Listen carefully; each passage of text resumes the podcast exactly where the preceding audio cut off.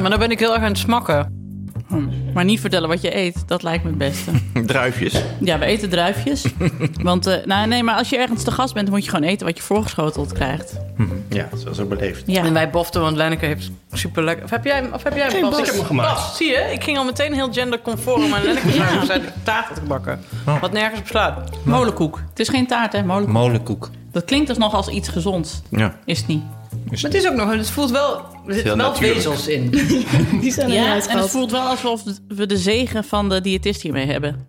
Omdat Lenneke zelf een, eh, een achtergrond in de diëtiek heeft. Dus dat voelt dan wel weer goed. Van, ze zit erbij en... Nee, nee, de zegen was eigenlijk dat ik er ook maar druiven bij heb gezet. Oh, ja. ja, maar ik nam net een hap en ik gaf geen, je gaf me geen stink-eye. Dus dat scheelt. Nee, nee, nee, natuurlijk niet.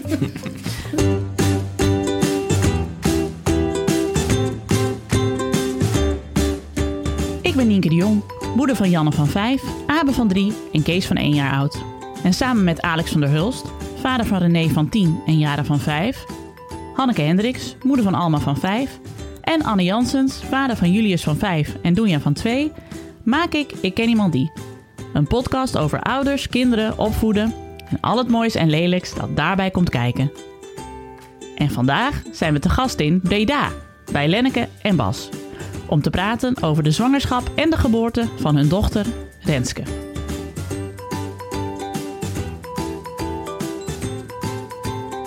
Nou ja, als er één groep daar geen probleem van maakt, zijn het wel kleuters. Ja. Die accepteren iedereen gewoon. Ja. ja. Ook dat ik zou zeggen Brabanders. Brabantse kleuters. Dat is wel de meest relaxte Ja. doelgroep ooit, ja.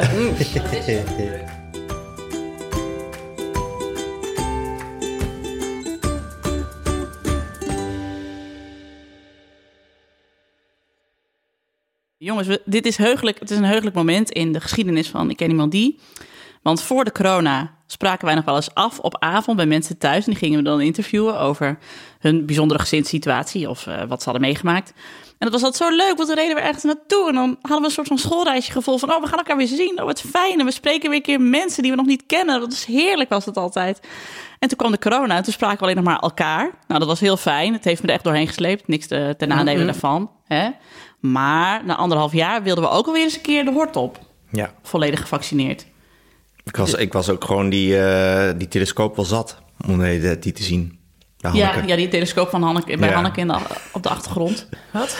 Ja, en die boeken die jij in de boekenkast Ja. hebt staan, daar die ging ik altijd naar zitten typelint, hè, was ik kijken. helemaal, helemaal klaar mee. Ja, dat, oh, dat klopt. Ja, ik Ja. heb... eh, die typelint heb ik opgeruimd. En van, van Santander naar Santander van Peter Winnen. heb ik me, heb ik me Ja, urenlang de blind boeken die staan helemaal links. Ja, dat klopt. Ja, zie je wel. nou, dat. Dat hebben we dus echt anderhalf jaar eh, zitten bekijken. En nu zijn we eindelijk weer op locatie. En zelfs helemaal in Breda. Ja, ik zeg, ik mag helemaal in Breda zeggen, want het was voor mij echt helemaal. Nou, het voelt voor mij ook heel ver. Ja, Anne had geen idee waar het was. Nee, maar dat heb je eigenlijk altijd. Ja, we hebben gezegd in België. Vo- Voelt het ook wel België? Nou, ik ben dus via Lexmond gegaan. Ja, le- En Vianen, binnendoor, denk ik. Leuk. Weet ik ook niet zeker. Ik weet ook niet waarom, ja. Dat kom je toch gewoon via de snelweg tegen? En Lexmond ging er bij meer, voelde niet als een ging je snelweg. weer op. Bij Meerkerk ging je er weer op. Meerkerk. Ja, Zeg je of me nou? Almkerk of waar ging je er weer op? Woudrichem. Ik kwam wel een bordje met. Hank onderweg tegen. Hank dat vond ik leuk. tussen. Ja. Hank dus met je neus ertussen. Ja. En Maden heb ik ook gezien. Ja. ja, dat is mooi hè. Maar daar gaan we het misschien straks nog over hebben. Maar Maden voor de luisteraars van de Rode Lantaarn. Ja. Wij hebben nou ook een connectie met Maden. Voelt toch goed? Hebben wij een connectie met Maden? Ja, zeker. Dat vind ik leuk. Ja. Maar dat gezegd hebben, we zijn dus in Breda en we zijn bij Bas en Lenneke. En misschien kan Hanneke even uitleggen hoe Bas en Lenneke in ons leven zijn gekomen. Ja, we krijgen dus best wel wat luisteraarspost. Ja, best wel vaak eigenlijk. En eh, meestal zijn dat gewoon best wel vrolijke verhalen... en soms ook wel wat verdrietige verhalen. Maar eh, ja, Lenneke, jij stuurde een hele lange mail. Ja. Alsof ik All You Need Is Love aan het schrijven was, hè? Ja, ben je- nou, ja. heb je wel eens All You Need Is Love geschreven? Nee, nee, nee. Nee. Maar dan, dan hoor je altijd eh, Robert en Brink zeggen... ja, ik had negen pagina's. eh. Ja, en zo kwam het dat we 's ochtends dat ik... eh, want, en met onze Ik Ken Iemand Die mail weten we eigenlijk nooit precies wie wel en niet de mail kreeg, krijgt. Dat is nog een beetje gek, maar ik kreeg die mail 's ochtends en ik las hem en eh, ik zat eigenlijk zo te grienen achter het scherm. Dus ik de andere gemaild van, hebben jullie deze mail ook gehad? Nou, ook huilen volgens mij. Nou, niet iedereen had hem gehad, volgens Nee, mij. niet iedereen had hem gehad, Nee, maar ik wel. Ja, jij wel. Ja. En ik had hem meegeforward, zeg maar. En, eh, en toen dachten we, nou, eh, want jij zei in je mail al van... als jullie daar een keer een aflevering over willen maken... dan eh, moeten jullie, nou dan zeg het maar. Dus toen hebben we teruggemaild van, nou, eigenlijk wel. En we hadden het er nog over op de grote mokkendag... dat we weer eens de deur uit willen, dus... eh, Ja, maar allereerst beginnend bij de, de mail wil ik even aanstippen dat wij twee mensen aan een kinderwens hebben geholpen. Ja. oh, dat bedoel Voor je. de eerste keer in het bestaan van Ik Ken Iemand Die zijn er mensen geweest die daadwerkelijk een kind wilden nadat ze onze hele podcast hebben geluisterd. Is wel echt uniek. Ja, is echt uniek. Ja. Ja. Het waren alleen de eerste, eerste paar afleveringen Ja, toen natuurlijk. maar dan had je Neeltjes aflevering over slaap al gehad. Dus je was gewaarschuwd. Maar goed. Maar kun je nog eens, oh, hoe ging dat dan? Kun je dat eens vertellen aan de, aan de luisteraars thuis? Ja, dat begint eigenlijk bij mij, denk ik. Hè?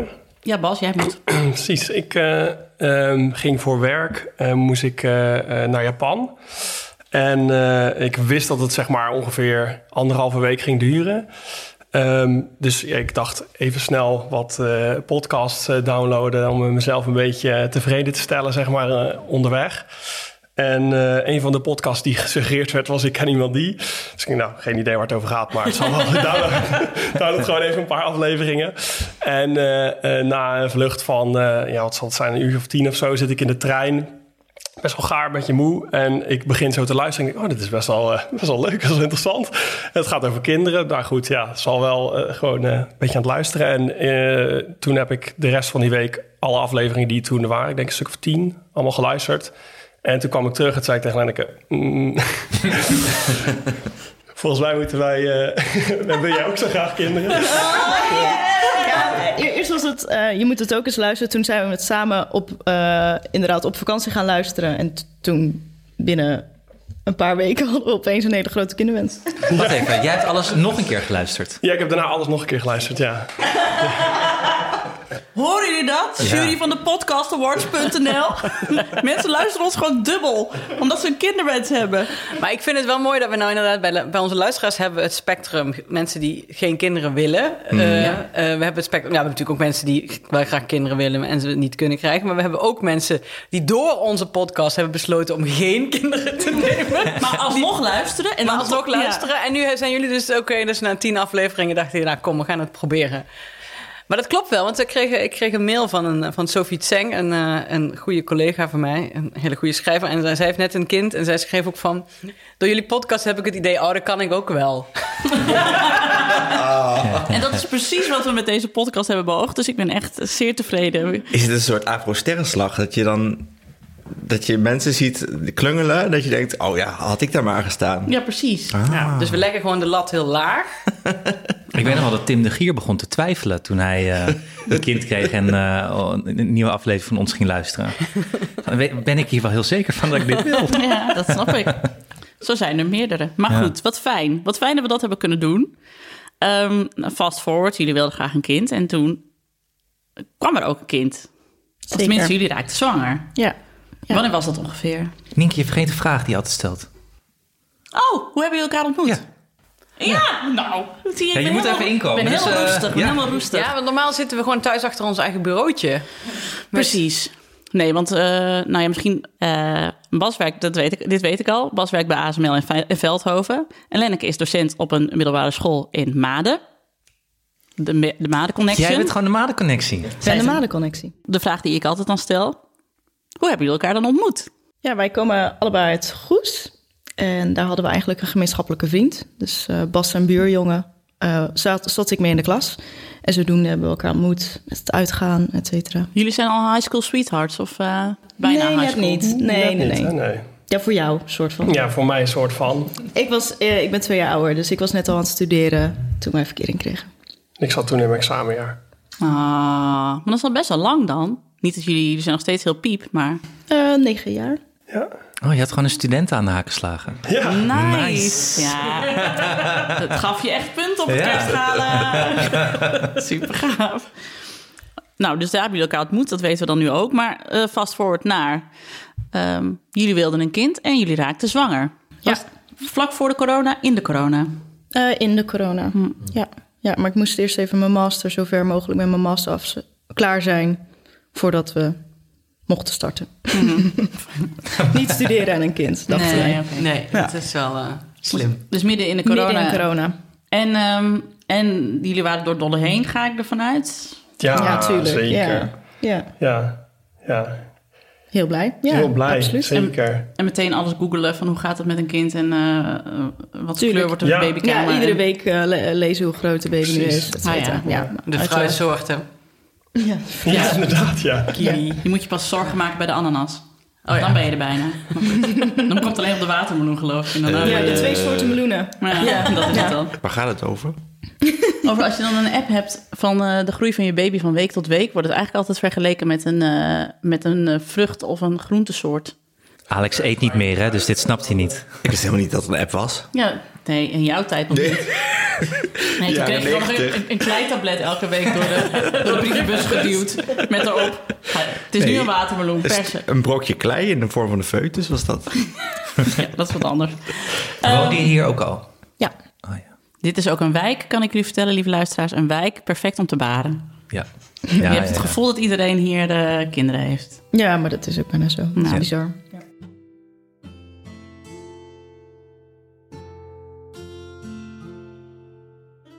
Dus je verheugt je op zo'n, op zo'n baby.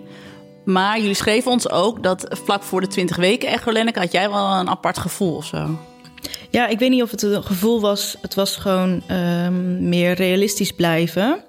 Ehm, de 12 weken echo was destijds voor mijn zus een best wel eh, serieuze echo. Of nee, 20 weken, sorry, 20 weken.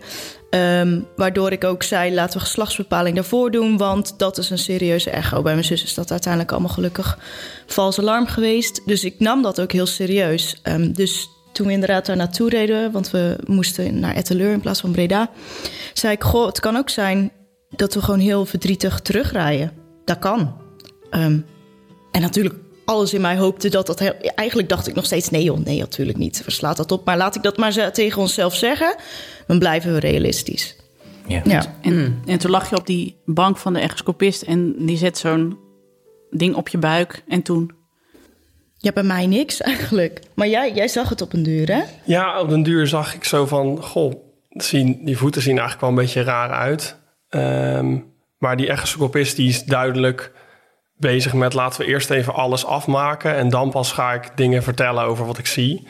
Dus dan zit je al een beetje zo van... vooral omdat ze dan ook heel stil worden. Zeg maar. In het begin was ze nog een beetje aan het praten... maar dan duur wordt ze ook een beetje stil... en dan zit je een beetje zo van, is er iets of zo? Je voelde dat de sfeer aan het omslaan Ja, was. ja. Blijkbaar Bas, ik niet hoor. Ze zijn nog steeds. En dit is goed en dat is goed. En dat. Oké. Ja. ja, dat zou ik denk ik ook hebben gehad. Ja, ik kreeg niet mee hoor. Ja. Ja, en toen zei ze, eh, toen ze een soort van klaar was eigenlijk... van... eh, eh, Ik wil nog een keer naar de voetjes kijken. Precies, ja. Ja. En toen dacht ik wel van, oh ja, dat is niet goed, want ja, dat zag er al een beetje vreemd uit.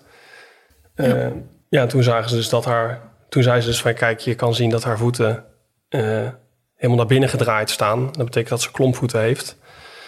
Eh, dus eh, ja, ik ga jullie doorverwijzen naar de gynaecoloog. Dat is dan zeg maar wat ze dan zeggen. ja.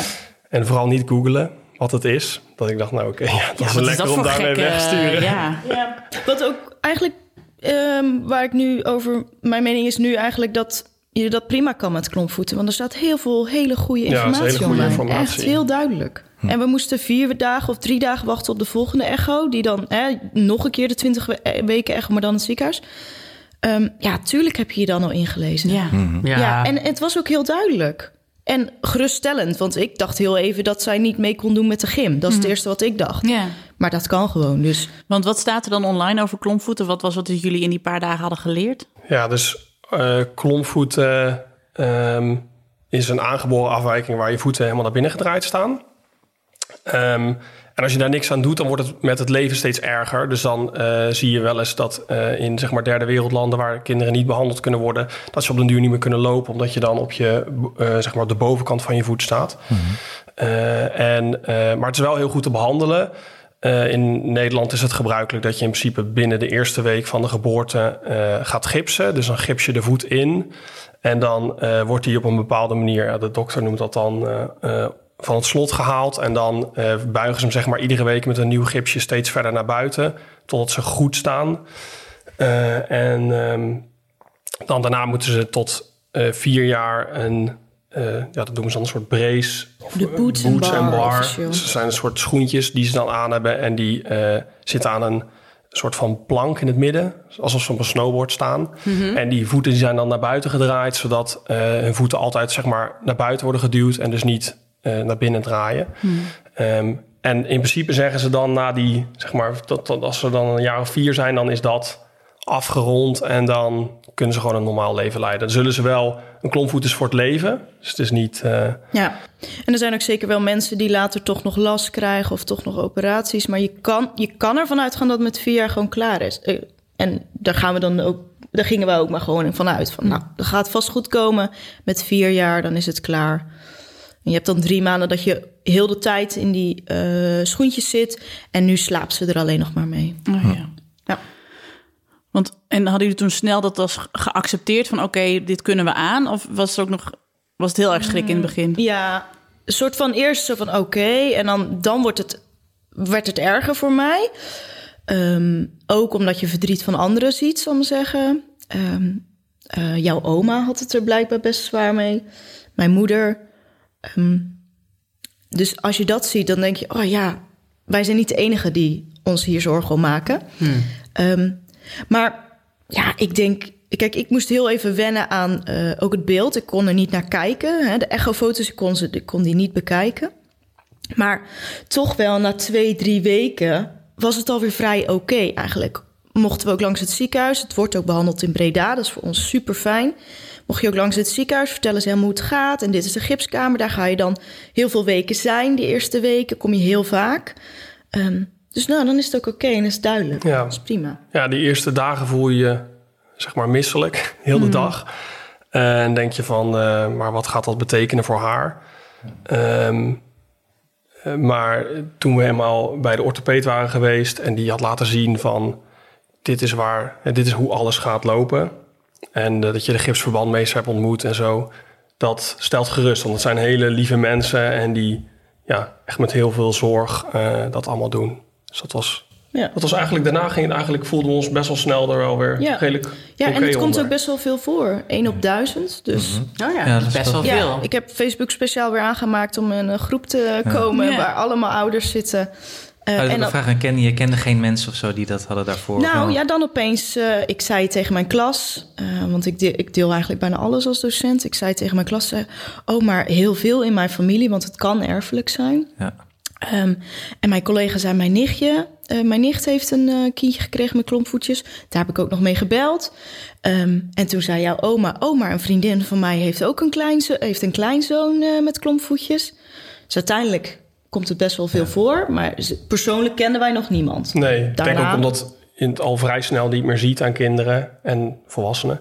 eh, dat, eh, dat, en je dan, in ieder geval voor mij was het onbekend toen ze zei klompvoet. En toen wist ik niet eens wat dat betekende. Anders dan dat je gezien op de echo wat het was. Ik wist eigenlijk niet wat het was. Tot Nee, ik niet. Je, je hebt het woord eens een keer gehoord. Ja, precies. Maar Ja, ik had het woord ook wel eens gehoord. Ja. Want toen ze het zei, dacht ik wel gelijk... volgens mij kan je dan lopen. Dat, dat, is het eerste wat ik dacht. Maar ik wist niet of je goed kon lopen. Maar dat is het eerste wat ik dacht. eh, ja.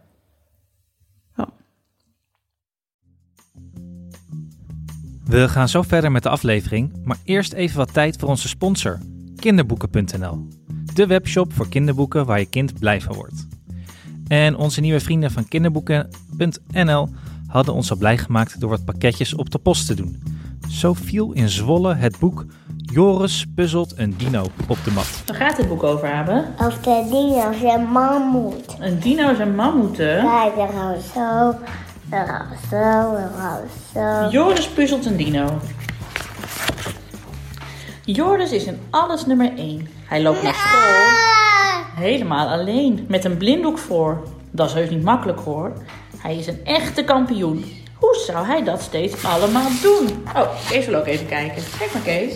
En dan gaat hij stuk maken. Nee, Kees maakt de boekjes nog nooit stuk. Weet je Is het mooi Kees? Ah, Oh, Joris is kampioen in alles en nu wil hij uitpuzzelen hoe een dino in elkaar zit. Joris puzzelt een dino is er eentje voor de dino-fans, zoals Abe. Die dat boek dan ook snel verslond. dus die boekje uit. het boekje is Nu uit. deze. Gaan we nou dat boekje doen?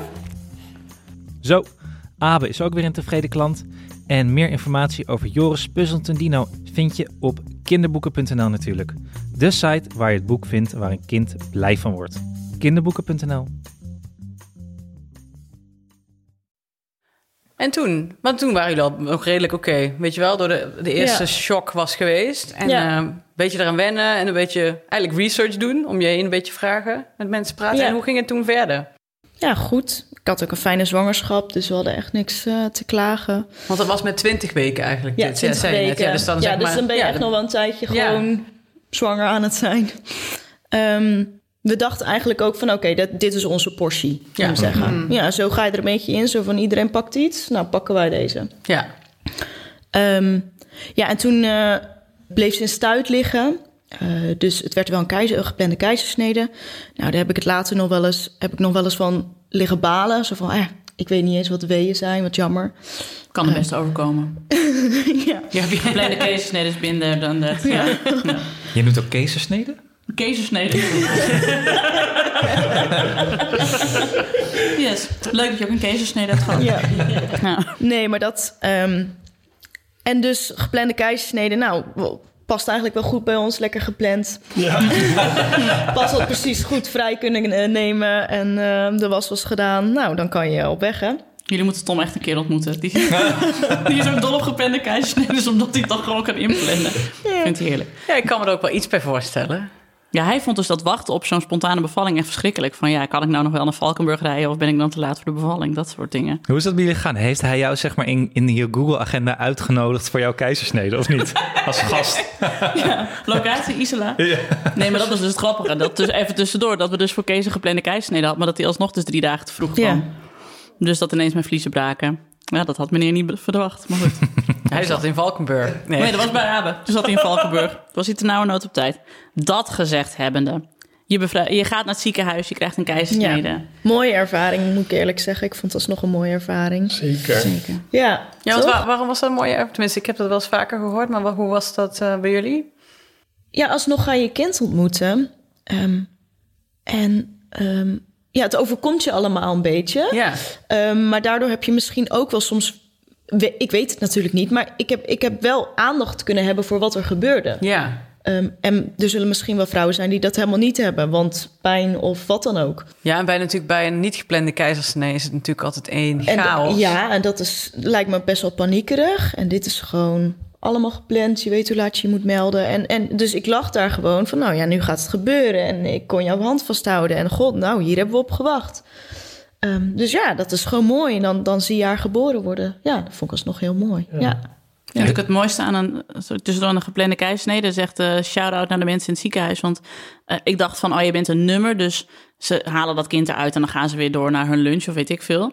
Maar voor de mensen in de operatiekamer, ik weet niet hoe dat voor jullie was, die deden ook van, alsof Ja. dit de eerste baby was die ze zagen. Van, ze waren zo blij van, kijk, ze is er. Ja. En- Terwijl het Ze was, het leeft. was de derde. En dan zeggen we dat ze Renske ging heten. Oh, wat een mooie naam. Ja, dat zeg je bij iedere naam Ja. waarschijnlijk. En Maar het komt oprecht over. Ja. Er staan zoveel, want dat is dan hoeveel mensen staan er in zo'n eh, operatiekamer? Echt heel veel mensen. En dan, sorry, ik hoorde niet, hoe heten ze? Oh, Renske, oh, oh. Je, Ja. Iedereen is helemaal betrokken en eh, ja. dat is wel bijzonder. Heel veel mannen variant van dit verhaal zo. Ja. Vertel. Hoe, hoe was het voor jou? Had je wel wat te eten? Had je een goede stoel? Slavinkje. Operatiepakje aan, hè? Ja, ik wou net zeggen, voor, eh, voor, voor- het was denk ik voor ons... Voor, ik vond het vooral bijzonder dat we zeg maar in de auto stappen... en gewoon op het gemakje daar naartoe rijden. Lekker parkeren, alles op het gemakje. En jij gaat op een duur in dat bed liggen. Nou, we zijn best op tijd, dus we moeten nog even wachten. En, eh, want we wisten, we zijn de laatste. Ehm, en dan op den duur reizen met haar weg. En dan mag ik soort van volgen. Het is een beetje, moet je zo je pak aandoen en zo natuurlijk. Via een andere ingang. En eh, ja, dan sta je daar in één keer. En dan lag jij daar op die tafel met, gingen ze een ruggenprik natuurlijk doen. Eh, dat vond ik ook best wel heftig om te zien hoe dat er dan allemaal, eh, hoe dat allemaal gaat en hoeveel mensen er zijn. Ja. Ehm, en, maar vooral daarna denk ik hoe snel het gaat. Want ja, je ligt, eh, ze, ze zeggen van nou, nu gaan we beginnen. En jij ziet niet zoveel natuurlijk omdat je plat ligt. Maar ik zit daar en je ziet best wel veel. Eh, en in één keer, eh woep, dan zie je daar zo eh, eh, je dochter geboren worden. Ja. Dat is wel bijzonder. En die mag je, dat vond ik ook heel bijzonder, vond ik wel een eer eigenlijk, dat ik haar dan ook meteen mocht eh, pakken. En ja, dan gaan ze natuurlijk meteen controleren. En dan, nou, papa, doe jij maar dit en dat. En eh, dat vond ik wel bijzonder. Ja. Niet te lang doorpraten, dat moet ik weer huilen. Dat komt toch op een beetje. Ja, mooi man.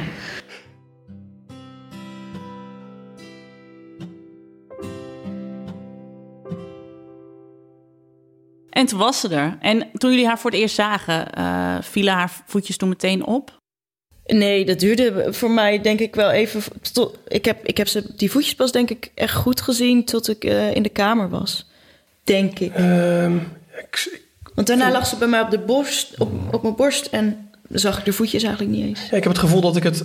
Ik heb zo'n beeld in mijn hoofd, maar ik weet niet of dat iets is wat mijn, zeg maar, mijn hoofd zelf bedacht heeft. Of dat ik dat echt heb herinnerd. Dat eh, ze zeg maar, uit jou getrokken wordt aan de benen. Omdat ze natuurlijk met haar voeten naar beneden lag. En dat je meteen zag dat haar voeten naar binnen stonden. Maar dat ik dat toen al zo geaccepteerd had. Dat ik dacht, oh kijk, daar is ze. Ehm, Ja, precies. ja, je Dat wist hoort er al, dan meteen bij. Precies, ja, die zijn dan schattig. Die, Ja. die voetjes. Ja. Ja. Ja. Ja. En hoe voelde dat ouders worden? Voor Ja. jullie? Ja, bijzonder. Ja, bijzonder als in, maar ook niet eens zo heel bijzonder. Want ja, dit is het gewoon. Zo had je het verwacht of zo. Ja, ja, ja. Nee, dat was eh, heel leuk. En ik werd alleen maar verliefd in ook op Bas. Dus dat vond ik er wel leuk aan. Oh, even, eh, we draaien de microfoons even weg, want ze zijn nu aan het tongen. Snel, neem wat koek. Wij gaan eten. En dat En die fase van onze relatie zit erbij, zeg maar.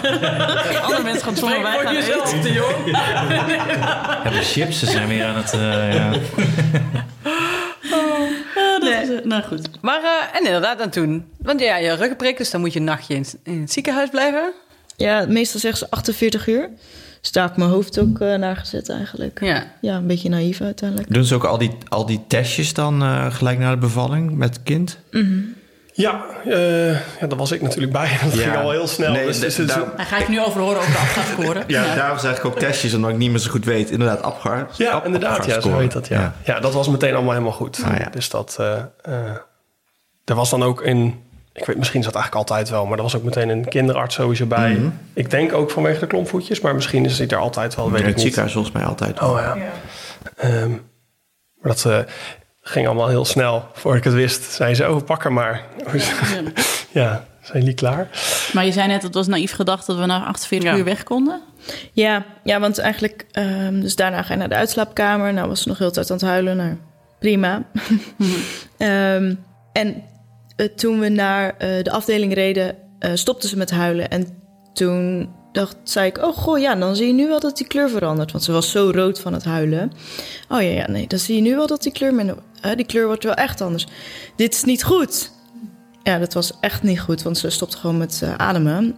Dus toen ook de verpleegkundige die dan ehm, samen met Bas mijn bed duwde, die, die trok Renske gewoon van me af. Klopte iets, gebeurde niet, niks. Zij rent weg. Bas gaat dan maar nadoen wat zij deed, want die dacht, ja, er gaat iets niet goed met mijn dochter. Ehm, en voor je, voordat we het wisten, kwam, die, kwam een andere verpleegkundige Ja, al terugrennend en die neemt Renske gewoon mee. En eh, ja, ze was gestopt met ademen. Maar uiteindelijk herpakte ze zichzelf ook alweer. Want toen ik helemaal daar naar binnen werd gereden... jammer dat je dan niet kan rennen... ehm, toen ademde ze alweer. En toen zei iedereen... er stonden echt vier verloskundige verpleegsters... Ja, ze heeft het echt zelf gedaan hoor. Ja hoor, ze deed het goed hoor zo. Heel erg geruststellend. Maar eh, ja, dat, Oh, maar hoe, moeten die, hoe waren die, die minuten dat je niet weet waar ze is? ja, maar Ja. het was niet eens een minuut denk ik. Echt? nee, nee, het ja, ging het echt voelde heel heel snel. lang. Ja, ik was wel aan het gillen in die gang. En ik heb nog twee vrouwen daar in die gang zitten. Dat ik dacht, oh, dit is ook niet fijn voor hen. Als zij straks nog moeten bevallen. En ik loop hier te gillen, waar is mijn kind? Maar ehm, ja, toen we daar helemaal waren, was het ook wel weer oké. Toen hebben we het ook met niemand gedeeld van de familie toen nog. Gewoon geappt, alles is goed. We dachten, dit is eenmalig, we vertellen het later wel. Ja, want je wil ook niet met een appje... Gos is trouwens ook is, gestopt met eh, ademen. Ja, precies, maar, nu gaat het wel weer. Ze ademt weer hoor. Ja, nee, dat snap ik wel. Dat je dat wel zelf gewoon een keer wil vertellen. Ja, want we dachten toen misschien ook nog van... eh, in ieder geval dat moment Ja. van wie weet was het gewoon even iets zomaar. Ja, of dat ze iets vast zat even Ja. of zo. ehm. Want wat zeiden de doktoren dan daarna? Ja, toen, ze vergat gewoon even te ademen, denk ik. Ja, dat was een beetje, want eh, eh, Maar ja, nu met alle inzichten die je nu hebt... Zou je er misschien, zullen zij er ook wat anders over zeggen, denk ik. ja. Maar dat weet ik niet zo goed.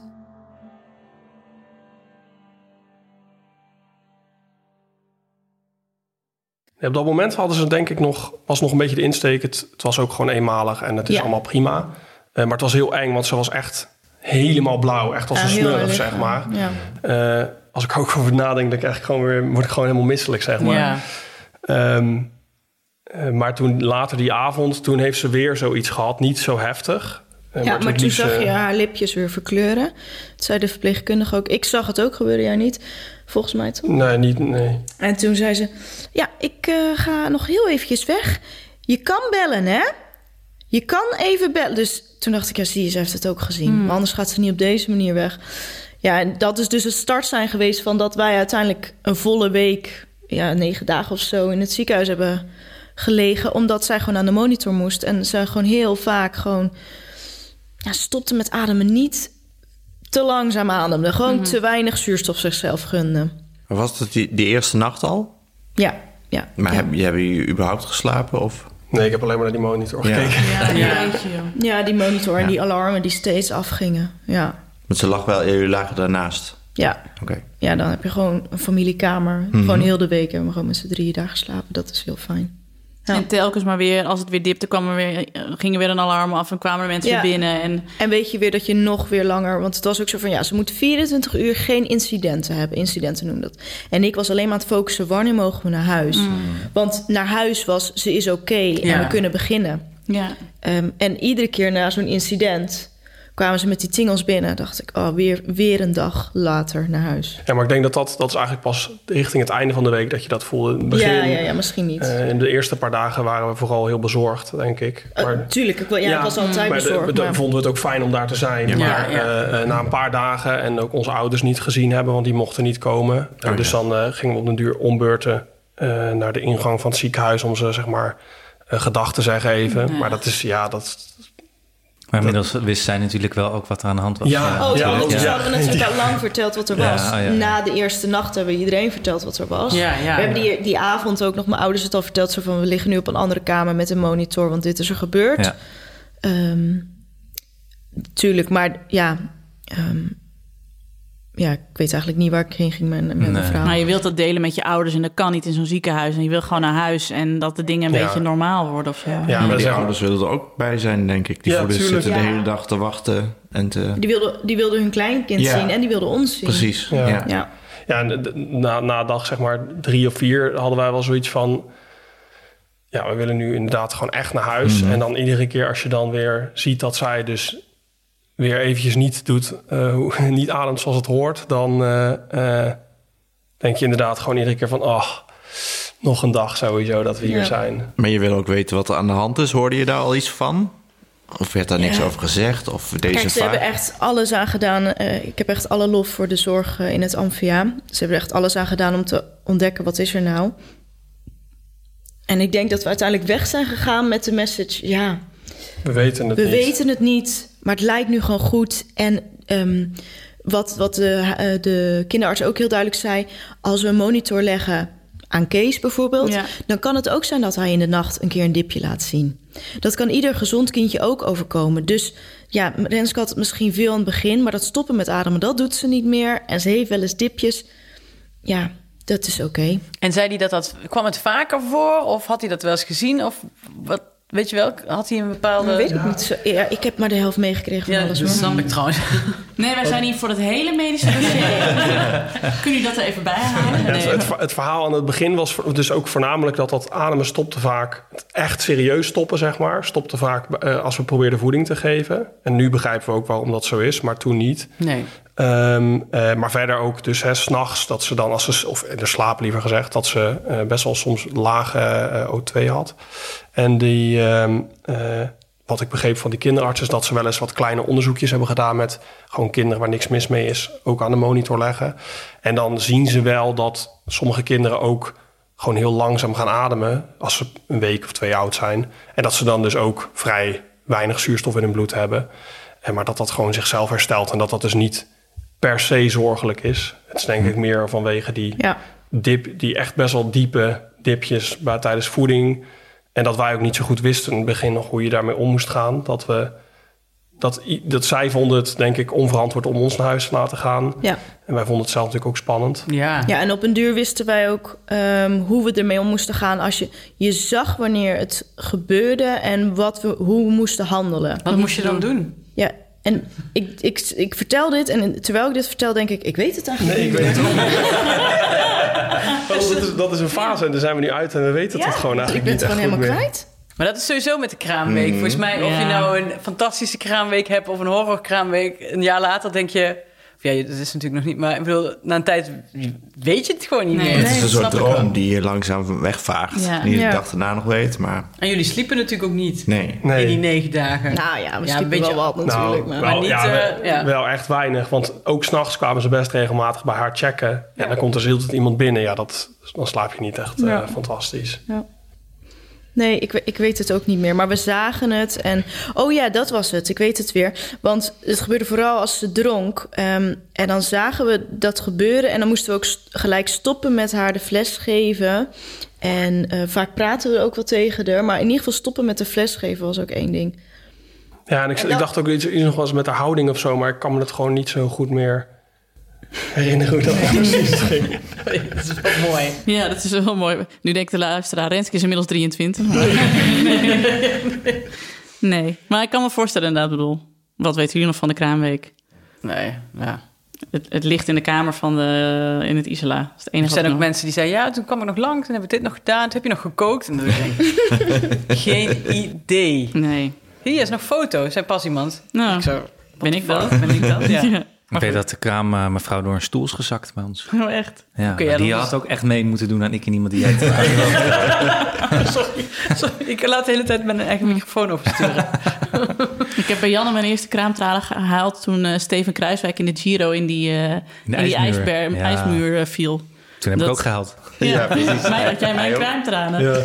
Dagenlang niks gebeurd en eh, ik zag dat en ik huilen, huilen. Oh, maar goed, dat gezegd hebben de jongens. Maar op de negende dag, Ja, de dat? negende dag mochten Toen- we naar huis. toen was 24 uur lang geen incident geweest. Ehm, al langer denk ik soort van... maar waren de dipjes zo niet heftig dat het oké was. Ja. En waren ze ook, eh, was de verpleging ook heel erg... maar deze ouders kunnen het echt zelf. En met wat voor gevoel, gevoel gingen jullie zelf naar huis toen? Ja, eigenlijk nul... Nou, nul angst natuurlijk niet. Maar weinig... We waren echt, Ja, wel, we toen- waren echt vol vertrouwen, ja, hè? Toen voelde, voelde ik mezelf best wel eh, eh, ja, zelfvertrouwen. Zo van, nou, dit, eh, dit kan ik wel hoor. ja, jullie waren natuurlijk ook een beetje gedrild in die Ja. dagen. Dat je de hele tijd Ja. iets moest Zeker. doen. Ja, je bent de hele tijd met haar bezig. En Ja. er is de hele tijd een, eh, eh, een verpleegkundige die meekijkt. Ehm, en die, eh, die dan ook op den duur merk je gewoon dat zij zeg maar binnenkomen van... Oh, oh je bent al bezig. Oh ja. En dan was ik zelf die monitor ervan eh, eraf en op aan het doen. En eh, al dat soort dingen. En die zaten op den duur, kwamen die dan even binnen om even zo... Ja, alles goed? Oké. En dan gingen ze ook weer weg. Dus dan weet je ook van ja, als zij hier zo makkelijk in en uitlopen... dan hebben zij ook vertrouwen in ons. Ja. Dan kan je ook vertrouwen hebben in jezelf. Ja, precies. Ja. Ja, en ze, ze ging al met haar tweede gipsje weg. Dus eh, toen had ze al... De eerste gipsje was al verwisseld zelfs. Ja. Ah ja. Ja. ja, want dat kwam er ook nog bij. ja. Ja, die kwamen, eh, dat was super lief. Omdat zij aan de monitor was, zou ze echt in een couveuse door eh, het ziekenhuis moeten verplaatst zijn anders. Dus zij kwamen naar onze kamer om het gips eh, te leggen. Ja, Ja, de eerste was bij twee dagen. twee dagen, ja. En dan... eh, Die andere. Ja, die andere dus... Net dag- geen week of zo. Ja, volgens mij de dag dat we weggingen of, een- of de dag daarvoor. Ja. Dus dan ga je naar huis met zelfvertrouwen van wij kunnen dit. En die klompvoeten, nou, Ja. daar eh, komen we ook wel uit. We weten wat we moeten doen en Ja. wat er gaat gebeuren. Ja.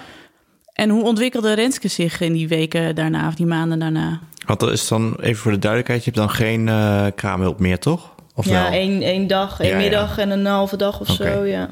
Ja, Maar je hebt wel de familie die dan eh, eindelijk haar ziet. ja. Ja, dat was heel ja, fijn. dat Ja. was zo fijn. Ja. Ja. Ja, heel fijn.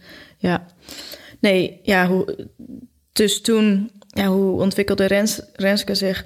Goed. Het duurde even, want ze heeft dus ook slecht gedronken aan, aan de start. Omdat dat we, daar kwamen we ook niet uit uit dat drinken. Ze zoog niet goed. Ze vormde haar mondje niet goed. Maar ja, dus, dus op gewicht komen, dat duurde ook wel echt wel veel langer.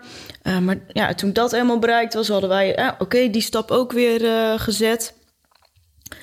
Um, ja, met de klompvoetjes echt nog wel gedoe gehad hoor. Want uh, het gipsje is drie of vier keer afgezakt. Dus dan moet je gewoon weer op een zaterdagochtend naar de EHBO om een nieuw gipsje. Ja, um, ja en dan baal je echt hoor. Um, en dat, is, dat wil je allemaal niet.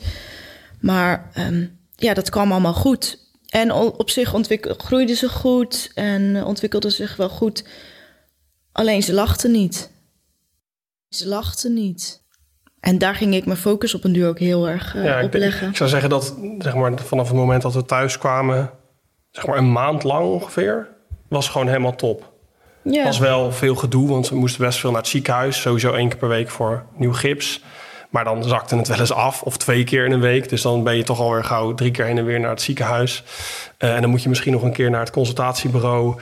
En uh, wat moet je nog meer? Misschien weer eens een keer boodschappen doen. En voor je het weet ben je heel de tijd uh, op pad uh, met haar. Dat is best wel heftig. Um, maar ik was ook best wel veel vrij, dus dat was heel fijn eigenlijk.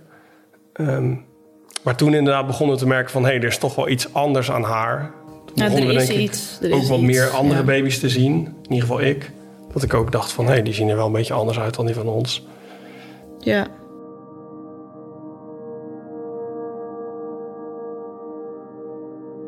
Want wat was dat dan, wat je anders zag? Ja, dat is heel raar. Dat is eigenlijk niet zo goed. Nu weet ik het te benoemen wat het is. Maar toen wist ik niet zo goed wat het was dat anders was. Uh, maar zij, ja, omdat zij dus geen uitdrukking op haar gezicht heeft. Uh, en dus ook niet fronst of lacht of zo. Um, ja, is het een beetje een pop, zeg maar. En als je dan een ander kind ziet die een heel gedefinieerd gezicht heeft, zeg maar, met heel duidelijke bruillipjes of zo, of uh, die dan zijn wenkbrauwen beweegt of zo, dan denk je, hé, hey, ik weet niet, die lijkt al veel volwassener, mm. terwijl die even oud is als die van ons. Ja. Hoe kan dat nou? Ja, ja en um, um, ze leek een lui oogje te krijgen.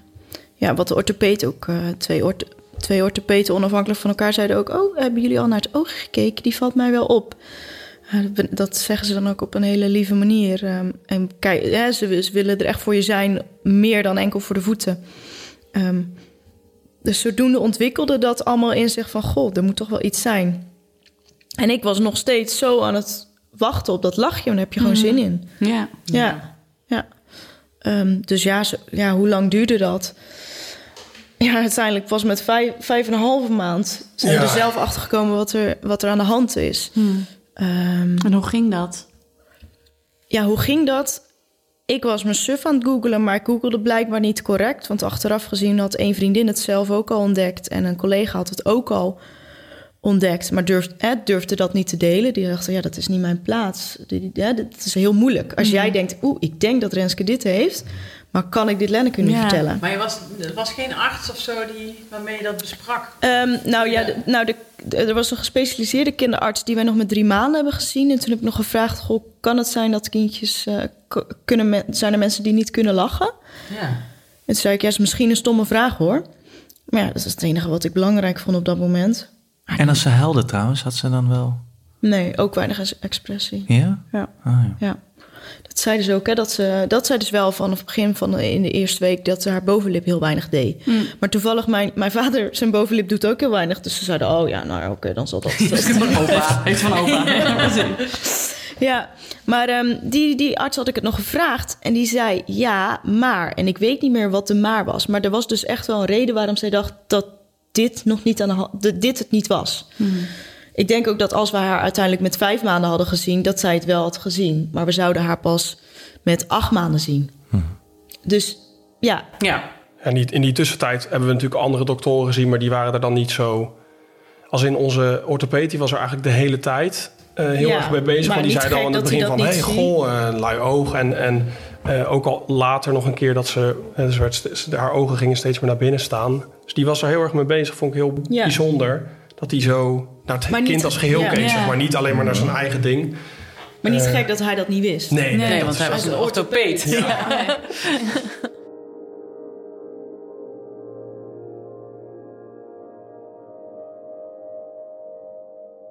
Ja. Want wat, wat bleek er nou uiteindelijk eh, eh, aan de hand te zijn? Ja, eh, ja schoonmoeder, schoonmoeder had dus met iemand het erover gehad... en die zei, mag ik eens, mag ik eens zoeken? Misschien kom ik er wel achter. Die, die is blijkbaar daar goed in. En die stuurde binnen een uur door. En dat durfde schoonmoeder ook niet gelijk te sturen. Die had eerst ge- gebeld van... goh, Google, googelen jullie wel eens? En als ik nou wat vind, mag ik het dan sturen? Oh, Ja, zo, zo, zo lief is iedereen dan voor je. En toen ze dat stuurde, nou, dat is dus het Möbius-syndroom. En toen zei ik, dit is het. Want wat stond er in die omschrijving? Ehm, niet kunnen lachen, komt voor met klompvoetjes. eh, niet van rechts naar links kunnen kijken of links naar rechts. Ehm, verder geen expressie in het gezicht. Eh, kan voorkomen met eh, afwijking aan de handen. Nou, dat was het dan niet voor ons. Kan voorkomen als eh, dat er slecht gehoor is. Dat dachten we ook dan niet. Maar vooral dat in combinatie met klompvoeten, Ja. dat was gewoon tien, tien, tien, En kan sli- eh, slik- eh, en zuigproblemen Oh, ja. hebben. Ja, Want- inderdaad. En toen zeiden we, ja, maar dat is precies wat ze had toen ze geboren werd. Ja, ze kon niet aan de borst drinken en uit, uit de normale fles. Dus dat, ja, dat, dat moest het zijn. Ja. En Ja. toen? Jullie naar de huisarts bellen? Of... Nou, ik denk dat je eerst verder gaat lezen van wat er allemaal meer speelt dan. Of wat het is, toch? Het valt wel mee. Oh. Toen durfde ik niet heel veel te lezen. En daar is ook veel minder over bekend. Ja, ja. Dus je, is je veel zag minder alleen te van, lezen. dit heeft ze en... Dit is het. Ja. Ja, je, je merkt dat er is, een, er is een website van het eh, door een Nederlander opgezet, volgens mij, over, over het Möbius-syndroom. Eh, en daar staat dan zeg maar wat het inhoudt, zo in bullet points vrij kort. En met wat informatie. Ehm, en dan ga je verder googlen en dan zie je dat ze overal precies dat hebben gekopieerd. Eén ijverige man die het hele internet volgt. Maar het is een hele zeldzame aandoening, toch? Ja, 1 op 50.000 à 500.000 staat ook op sommige websites. Zo. Op een, Amerikaanse website heb ik dat een keer gezien. Ja, Oh ja, ik zat zelf te Oftewel- googelen toen als ik lag 1 à 2 kinderen per jaar in ja. Nederland. ja dat, niet eh, dat hebben wij ook gelezen. Want er zijn Ja. maar drie websites inderdaad. Dus die hebben Ja, wij ook precies. Die gelezen. hebben weer ergens Ja, anders gekopieerd. weer die man. gelezen inderdaad. Ja, Ja. precies. Ja. Dus, eh, Maar ga je dan gelijk een dokter eh, bellen? Eh, ja, het CB heb ik gebeld en die zeiden ja, dan moet je ja ga naar de kinder, wa- want we zaten eigenlijk al bij de perfecte kinderarts, dus daar moest de afspraak vervroegd worden. Nou, dat dat duurt even omdat natuurlijk de assistente niet een moeder gaat zeggen, oh tuurlijk, nou dan mag je er morgen zien.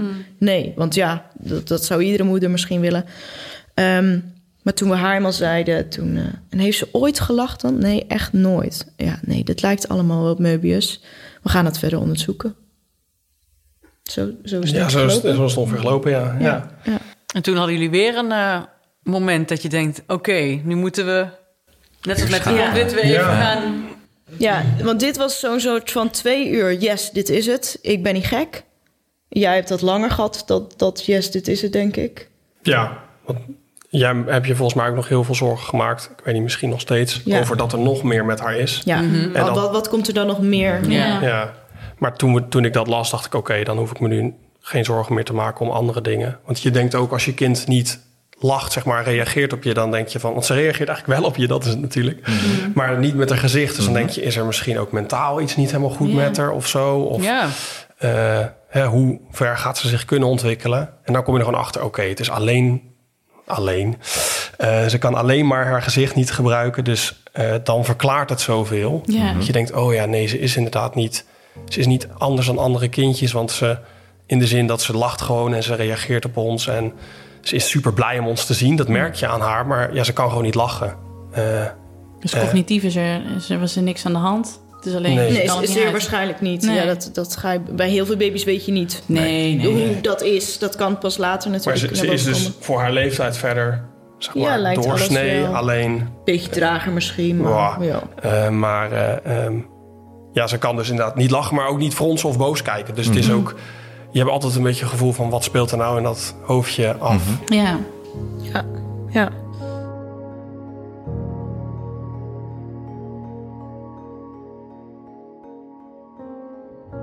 Dit is natuurlijk een ander soortige diagnose dan de diagnose klompvoetjes. Want jij schreef ook in de brief van bij klompvoetjes weet je, oké, na zoveel jaar is het klaar. ja, is het op, opgelost soort van. Ja. Ja, En bij niet. dit. Nee. nee, dat vind ik ook een van de moeilijkste dingen eigenlijk. Je moet echt accepteren dat dit gewoon zo is. Hmm. Je gaat er niks aan doen. We gaan ermee leren omgaan. We gaan haar leren ermee omgaan, vooral natuurlijk. Ehm, er zal logopedie nodig zijn, want ook praten kan misschien moeizamer worden als je je lippen minder duidelijk eh, kan gebruiken. Ehm, maar dat is het. En, dat, en dan, ja, dan moeten mensen maar gewoon. Die, die, zien, die zien aan Renske straks dat er wat is. En dat moet zij kunnen uitleggen, denk ik. Ja, daar moeten we aan werken. Maar eigenlijk is het nieuws nog best wel vers nu wij hier zo Ja. zitten. Ja, heel erg. Ja. Ja. Ja. ja, maar dat vind ik heel bijzonder dat we hier al mogen komen. eh, Ja. En dat je het ons al had gemaild. Want Ja. eh, ik zit nu terug te rekenen. Ik denk, jeetje, jullie weten het nog maar een paar maanden. Ja, we hadden vorige week de uitslag van de MRI-scan. Dat dat inderdaad, eh, er is een MRI-scan gedaan en dan be- is bevestigd dat inderdaad die twee zenuwen waar het om gaat, de zesde en de zevende hersenzenuw, de eentje, ene mist volledig en de andere is inderdaad zeer beperkt aangelegd. Ja. Wat, wat houdt dat in dan? Dat, Ja, dus, die, dus de zevende zenuw, dus het Möbius-syndroom is een soort van gedefinieerd als dat de zesde en zevende zenuw niet goed zijn aangelegd. En die zevende bestuurt al je ehm, eh, gezichtsspieren. Ehm, dus die zorgt dat je kan lachen, fronsen, alles. Eh, en de zesde, die zorgt heel specifiek voor de ehm, spieren die je ogen naar buiten trekken. Eh, dus niet naar binnen, want dat kan wel, maar niet naar buiten. En eh, die zorgt dus voor dat je ogen zeg maar links naar rechts kan bewegen. Ja. En dat kan zij niet. Dus als, zij, als je uit haar gezichtsveld loopt, dan beweegt haar hoofd mee naar Oh, links ja. en rechts. Ja, precies. En terwijl wij gewoon met onze ogen natuurlijk links en rechts kunnen bewegen.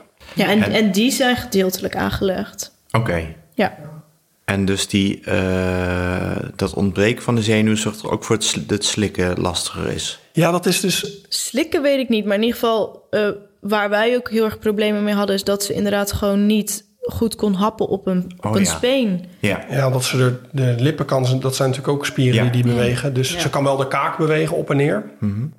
Eh, maar die, eh, ja, als je je lippen niet kan tuiten, dan kan je er niet ergens goed omheen eh, zuigen. Ehm, en volgens mij is bij sommige kinderen ook zo dat, ja, ik, ik weet het natuurlijk niet precies, maar dat die zenuwen nog slechter zijn aangelegd en dat dan ook de tong wat minder sterk is. Eh, en dan kunnen ze dus ook echt slikproblemen hebben. Ja, ja. Eh, en maar daar heeft zij gelukkig niet. eh, niet En er niet zijn dus ook van. kindjes met Möbius met ademhalingsproblemen. Waardoor we ook dan weer denken, oké, dat is misschien ook de eerste week beter te verklaren. Ja. Die dan echt ehm, ehm, iets in hun, zo'n luchtpijp in hun keel hebben. Om te kunnen we ademen. Ja. En zondes krijgen omdat het eten niet lukt. Dus wat dat betreft hebben we het dan weer... Ja. Heeft, ja, doet Renske het super knap. Ja, Ja, ja. Geen zonde of wat dan ook gehad. Ehm, ze doet het allemaal gewoon zelf. jemig jongens. Moet je er zo al googelend achterkomen wat er met je dochter aan de hand Ja, is. ja bizar wel. Ja. Maar wel, hoe- wat voor sterk ouderinstinct hebben jullie dat je, dat je blijft zoeken van het klopt niet, het klopt niet. Ook al is het je eerste, dan heb je Ja. wat dat betreft geen vergelijkingsmateriaal. En ja. ja, Maar het maakt wel onzeker hoor, want dan denk je ook... of ben ik die super overbezorgde moeder... die alleen maar op één ding zit te focussen. Ja, want ik weet dat ik voel me nu nog steeds wel eens best wel schuldig. Dat toen jij zei, maar is het gek als ik vraag aan de dokter eh, of er mensen zijn die niet kunnen lachen? Dat ik een beetje zei, nou kom op, dat is wel, dat is wel zo ver gezocht. Ja, dat geloof ik Jij niet, ook altijd met dat lachen, laat het nou eens los. Ja, we hebben gewoon een heel serieus kind gekregen. Ja. Ja, precies. Jouw vader heeft ook zo'n lip. dus ja.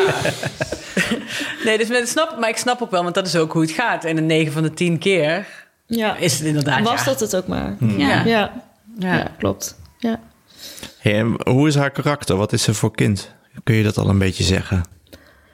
Ja, voor, voor mijn gevoel is ze niet eh, de, de, de haantje de voorste, zal ik maar zeggen. Ehm, dat, dat sowieso. Ehm, verder, ja, ik denk, ik denk dat het een rustig meisje is, maar echt wel uiteindelijk wel van zichzelf laat horen.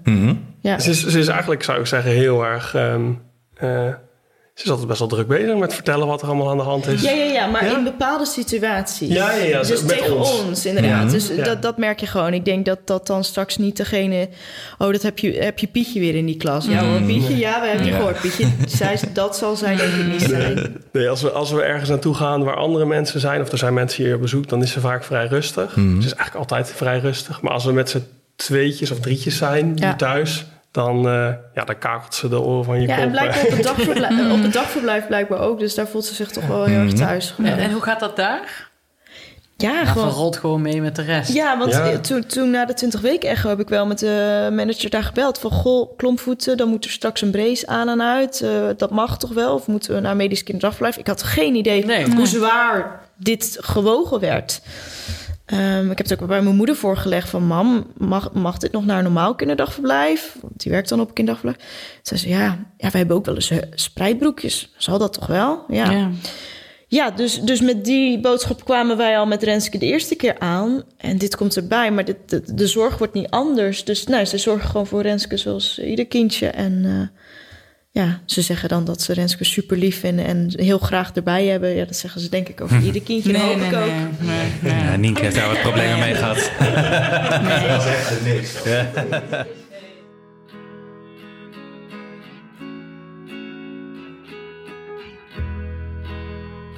Wat een verhaal. En de- Ja, maar joh. Hoe is dat nu? Want die voetjes staan nu recht.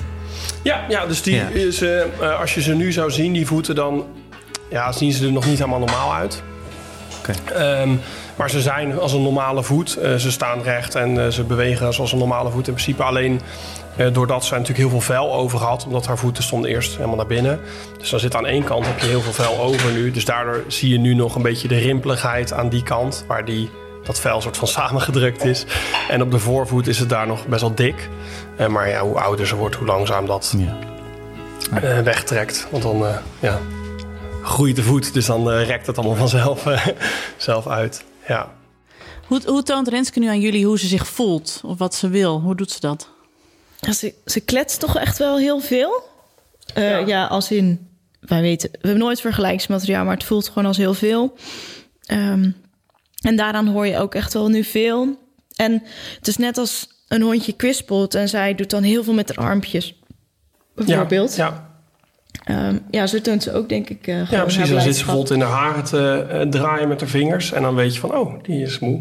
Ja, Oh ja. ja. En eh, ehm, ja. ja, een beetje van dat soort dingen. Ja, en, ik, ze heeft dan ook een nerveus lach. Als in, hè, ze, ze glimlacht niet, maar ze heeft wel een lach als geluid.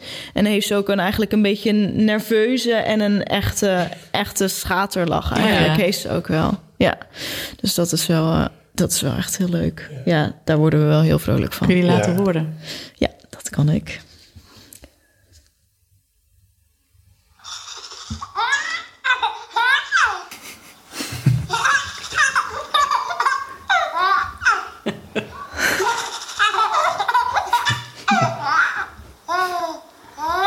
Dit is het filmpje. We zien er nou ook een filmpje bij. En je ziet ook dat zij heel veel met haar beentjes ook doet.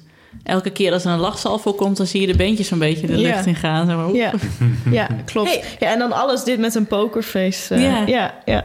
Want jij hebt dus toch je eerste lach op een gegeven moment gekregen. Ja, ja dat, dat was ook hier in de box en die heb jij gefilmd, denk ik. Dat is echt, echt eh, hard ging eh, lachen. Dat, Ja, de eerste twee keer ben je natuurlijk te laat bij. Ja, maar dat, ja, dat, ik weet niet meer wat ik deed, maar eh, toen heeft ze om mij hard moeten lachen. Ja, uiteindelijk echt moeten schaten lachen, gelukkig. Ja, En hoe voelde dat? ja. ja echt, eh, ja, super verliefd word je dan. Ja, echt zo, zo blij en ook gewoon naar iedereen sturen. Ja, naar iedereen sturen. Ja. Ik kon niet zien, maar dan heeft ze ook gaan een glimlach. Dan gaan, of- Nee, nee, nee, dat gewoon dus echt niet. gewoon helemaal, gewoon mond open, maar meer niet. Mond open, ah ja, dus doe nu je mond open, dat is haar, haar, haar, Dat is haar eh, Ja. houding dan eigenlijk. Ja, Maar ja, ze kan het geluid wel maken. ja, Ja. Het is erg aanstekelijk. ja. ja. ja. En, we, en we proberen haar dus dan ook... Kijk, nu is dat nog wat vroeg, maar we beginnen er wel mee... dat we hopelijk straks met gebaren haar wat meer emoties... als ze geen zin heeft om te zeggen, ik ben blij... waar ik best wel kan begrijpen als je daar niet iedere keer zin hebt... om dat te zeggen, Ja. dat je het misschien dan desnoods even uitbeeldt. Ja. Ja. ja. De gebaren hangen hier al op de, op de koelkast. Ja. eh. Oh ja, ik was net al aan het kijken. Ik dacht, wat is dat nou precies? Maar dat zijn gebaren, wat slim. Ja, dat is het idee. En met eten zijn we al wel goed bezig. Ja, we maar best, met de eh, emoties zijn we nog niet heel erg bezig. Maar ja, dat is ook een beetje moeilijk nog. En ze is nog zo jong. Ja, ja, ja, daarom. Dat kan je ze ook later aanleren. Maar je kan vanaf zes maanden starten, dus daarom zijn we gestart. Tof.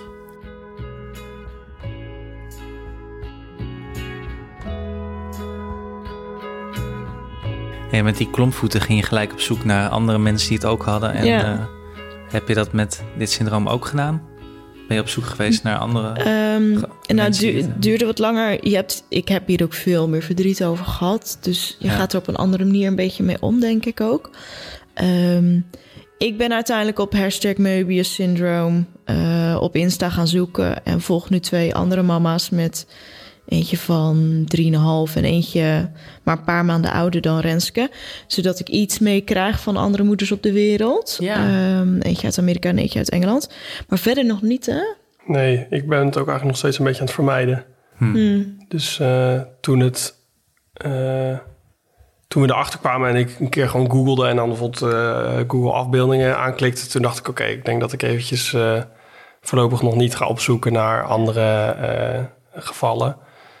Ehm, en ik weet bijvoorbeeld, mijn moeder die zei op de duur... oh ja, je moet dus deze aflevering kijken van... eh, ehm, Je zal het maar hebben. je zal het maar ja. hebben. Daar is bl- blijkbaar ook iemand die dat had. En die heb ik nog steeds niet gekeken. Ik ben er voorlopig ook nog niet van plan. Dus dat... Ja. eh, Maar het is ook, wat ik begreep van jullie, elk, bij iedereen echt anders. Ja, Ja. daarom ook. Dat ik Ja. al vrij Ja. snel zag babytjes die er overduidelijk veel heftiger aan toe Mhm. zijn dan eh, Renske. Dat ik dacht, ja, ik wil dit eigenlijk niet zien, want ehm, ik, ik weet niet, zeg maar, het zou zomaar allemaal heel anders kunnen zijn bij haar. En dan wil mezelf ook niet onnodig eh, bezorgd of bang Mhm. maken of eh, zoiets. Eh, en alle problemen, om het maar even zo te noemen voor haar, alle obstakels en dingen waar ze mee om moet leren gaan, die komen ook allemaal waarschijnlijk pas later. Dus ik ben ook nu nog een beetje van, nou, we gaan het zien. Zeg Ja, maar. precies. Ja. Laten we het zelf ontdekken en dan, dan komt het vast goed. We hebben superveel goede begeleiding van fysiotherapeut en eh, ehm, logopedie en de kinderarts en alle Ja, mensen om ons heen, familie en vrienden. ja, ja. Dus Je volgt haar gewoon nou. ja, Ja. ja. Ja. ja. Snap ik eigenlijk wel. En hoe zien jullie haar toekomst? Je wilt dus niet via Instagram naar de toekomst kijken, maar hoe zien jullie het zelf voor je? Ja, ehm, moet zeggen dat ik soms daar een beetje bang over ben. Omdat ik dan toch bang ben van... Goh, zou, er, ehm, zou ze dan toch misschien ook verstandelijk misschien wat beperkt zijn? Ehm, ehm, en alles is oké, maar je hoopt gewoon het beste voor je kind. Tenminste, het beste... Je, je, je wilt dat je kind naar een normale school gaat. Ja. Je zelf geweest, je denkt, nou, dat is fijn. Dat gun ik haar ook. En Renske heeft al genoeg op haar bordje gehad. Ik kan voorstellen, Ja. nou, als het hier nou Klaar stopt... nu. Ja. Ja, Wat jullie aan het begin van het gesprek zeiden van iedereen krijgt iets, nou dan hebben we dit. Maar dan, ja. ik snap ook heel goed dat je dan denkt, nou, dan moet het nou ook klaar Ja, zijn. Nu hebben wij genoeg gepakt. Ja. Ja, dus- maar zo werkt dat niet. En dat Nee. is ook oneerlijk om te zeggen eigenlijk natuurlijk. Maar ehm, ik, ik zie het gewoon voor me dat ook misschien met extra hulp of wat dan ook... ze uiteindelijk haar weg gewoon gaat vinden... en een vrij normale jeugd gaat hebben... Ehm, eh, waarbij we haar misschien soms wel extra moeten helpen met... ja, er zullen mensen kijken of eh, er zullen kindjes dat gek vinden. Ehm, en dan kan je het zo uitleggen. Of nou, dan moet je dat meisje misschien maar niet, gewoon niet meer zo vaak opzoeken... omdat zij anders reageert. Maar ehm, eh, Marietje, die reageert wel leuk op je. Misschien moet je weer eens met haar gaan spelen. Als dat wel een match is. Ja, Ja. misschien daarin meer. Zo, zo zie ik dat wel. Misschien meer een curlingmama dan ik eh, had verwacht. Maar ja, dat weet je ook niet. Het kan, het kan heel goed zijn dat ze het al met een paar jaar zelf allemaal prima Tuurlijk, regelt. Ja. tuurlijk, dat hoop ik Ja. ook. Zo wil Ja. ik haar ook opvoeden, Mhm. helpen of wat dan ook. Zij kan dit, dat Ja. weten wij nu al. Ehm, en wij helpen haar gewoon waar nodig, maar zij kan het zelf. Ja. Ja, Ja. die loopt gewoon over drie jaar de kleuterklas binnen en dan zegt ze... Hoi, ik ben Renske, ik heb Möbius. Ja. Dit is het. ja, ja. maar zo, zo hoop ik het eigenlijk. Ja. Dat zou toch tof zijn als ze dat gewoon soort van... Nou ja, als er één Ja. groep daar geen probleem van maakt, zijn het wel kleuters. Ja. Die accepteren iedereen gewoon. Ja. ja. Ook dacht Ja. ik zou zeggen Brabanders. Brabantse kleuters. Dat is wel de meest relaxte Ja. doelgroep ooit, ja. Maar dat is ja met kleuters. eh, ja, oké, ja, prima. Ja. Nee, dan zal de een zeggen, oh, en ik heb eczeem. Nou, en dan Ja. zijn ze weer uitgeluld. Ja. maar ja, zo is het wel. Maar heb je Barbies thuis? Ja, ja nee, heb, nee, heb je een trampoline in de Ja. tuin? Dat, is, dat is de grote. Als jullie gewoon een trampoline in de tuin hebben, begint, eh, dan is alles weer oké. Nee, maar dat is, dat is wel zo. Er komt, eh, als zij er oké mee is en jullie zijn ermee oké. Ja. ja, het moeilijkste wat ik heb is denk ik dat... ehm, zeg maar al die soort van hordes, daar kom je denk ik wel overheen. Het moeilijkste lijkt mij gewoon dat zij eh, later daar gewoon... eh, als ze wat ouder wordt en daar last van ervaart, dat ze daar gewoon ook zelf heel veel verdriet om gaat he- Ja. hebben, misschien wel. Ja. En het daar dan gewoon moeilijk mee heeft, dat lijkt me gewoon heel lastig. Want je, Ja. ja. je kan daar zo weinig aan doen, zeg maar. Je wil gewoon dat je kind een heel zorgeloos leven. Ik heb tot nu toe een heel zorgeloos leven gehad. Ja. En dat wens je haar dan ook toe. En dat lijkt me Mhm. gewoon lastig dat dan... Ja, dat... Er zijn gewoon... Je kan zoveel doen, maar er zijn sommige dingen die kan je niet doen. En die kan Ja. zij ook niks aan doen uiteindelijk, Mhm. denk ik. Dus Nee, dat wil je, ja, dat snap ik wel. Want ze gaat nou eenmaal meer obstakels tegenkomen dan andere kinderen. Ja. Ja.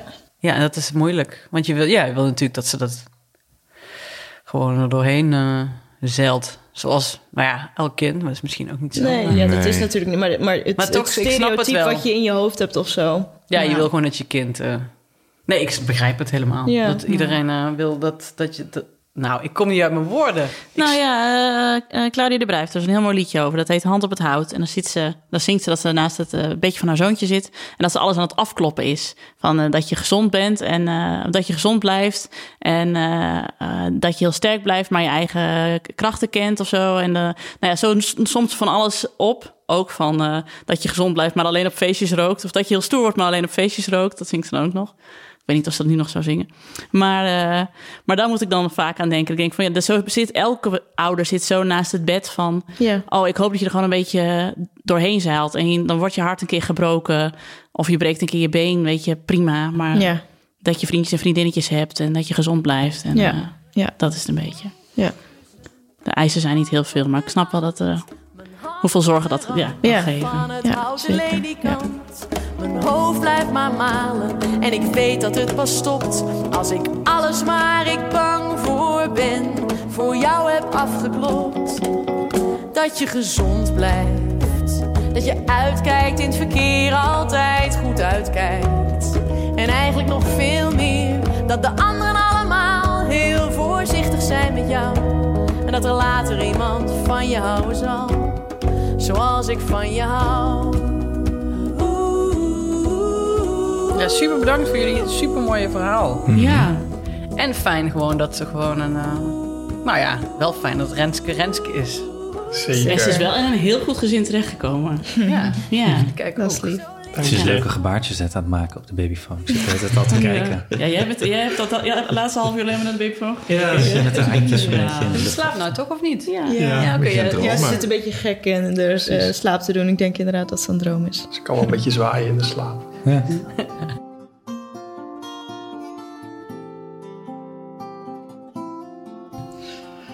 Dank jullie wel, jongens. Ja. Heel veel geluk met jullie kleine gezin. Ja, dank je. Dank je. Ja, we komen over een tijd nog wel.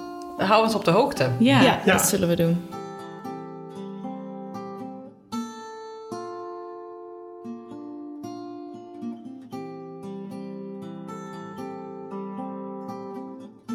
Dat was hem weer. Dank aan mijn vaste tafelgenoten Alex van der Hulst en Hanneke Hendricks. De productie en montage waren in handen van Anne Janssens. En natuurlijk de grootst mogelijke dank aan Bas en Lenneke voor hun openhartigheid en voor hun molenkoek natuurlijk.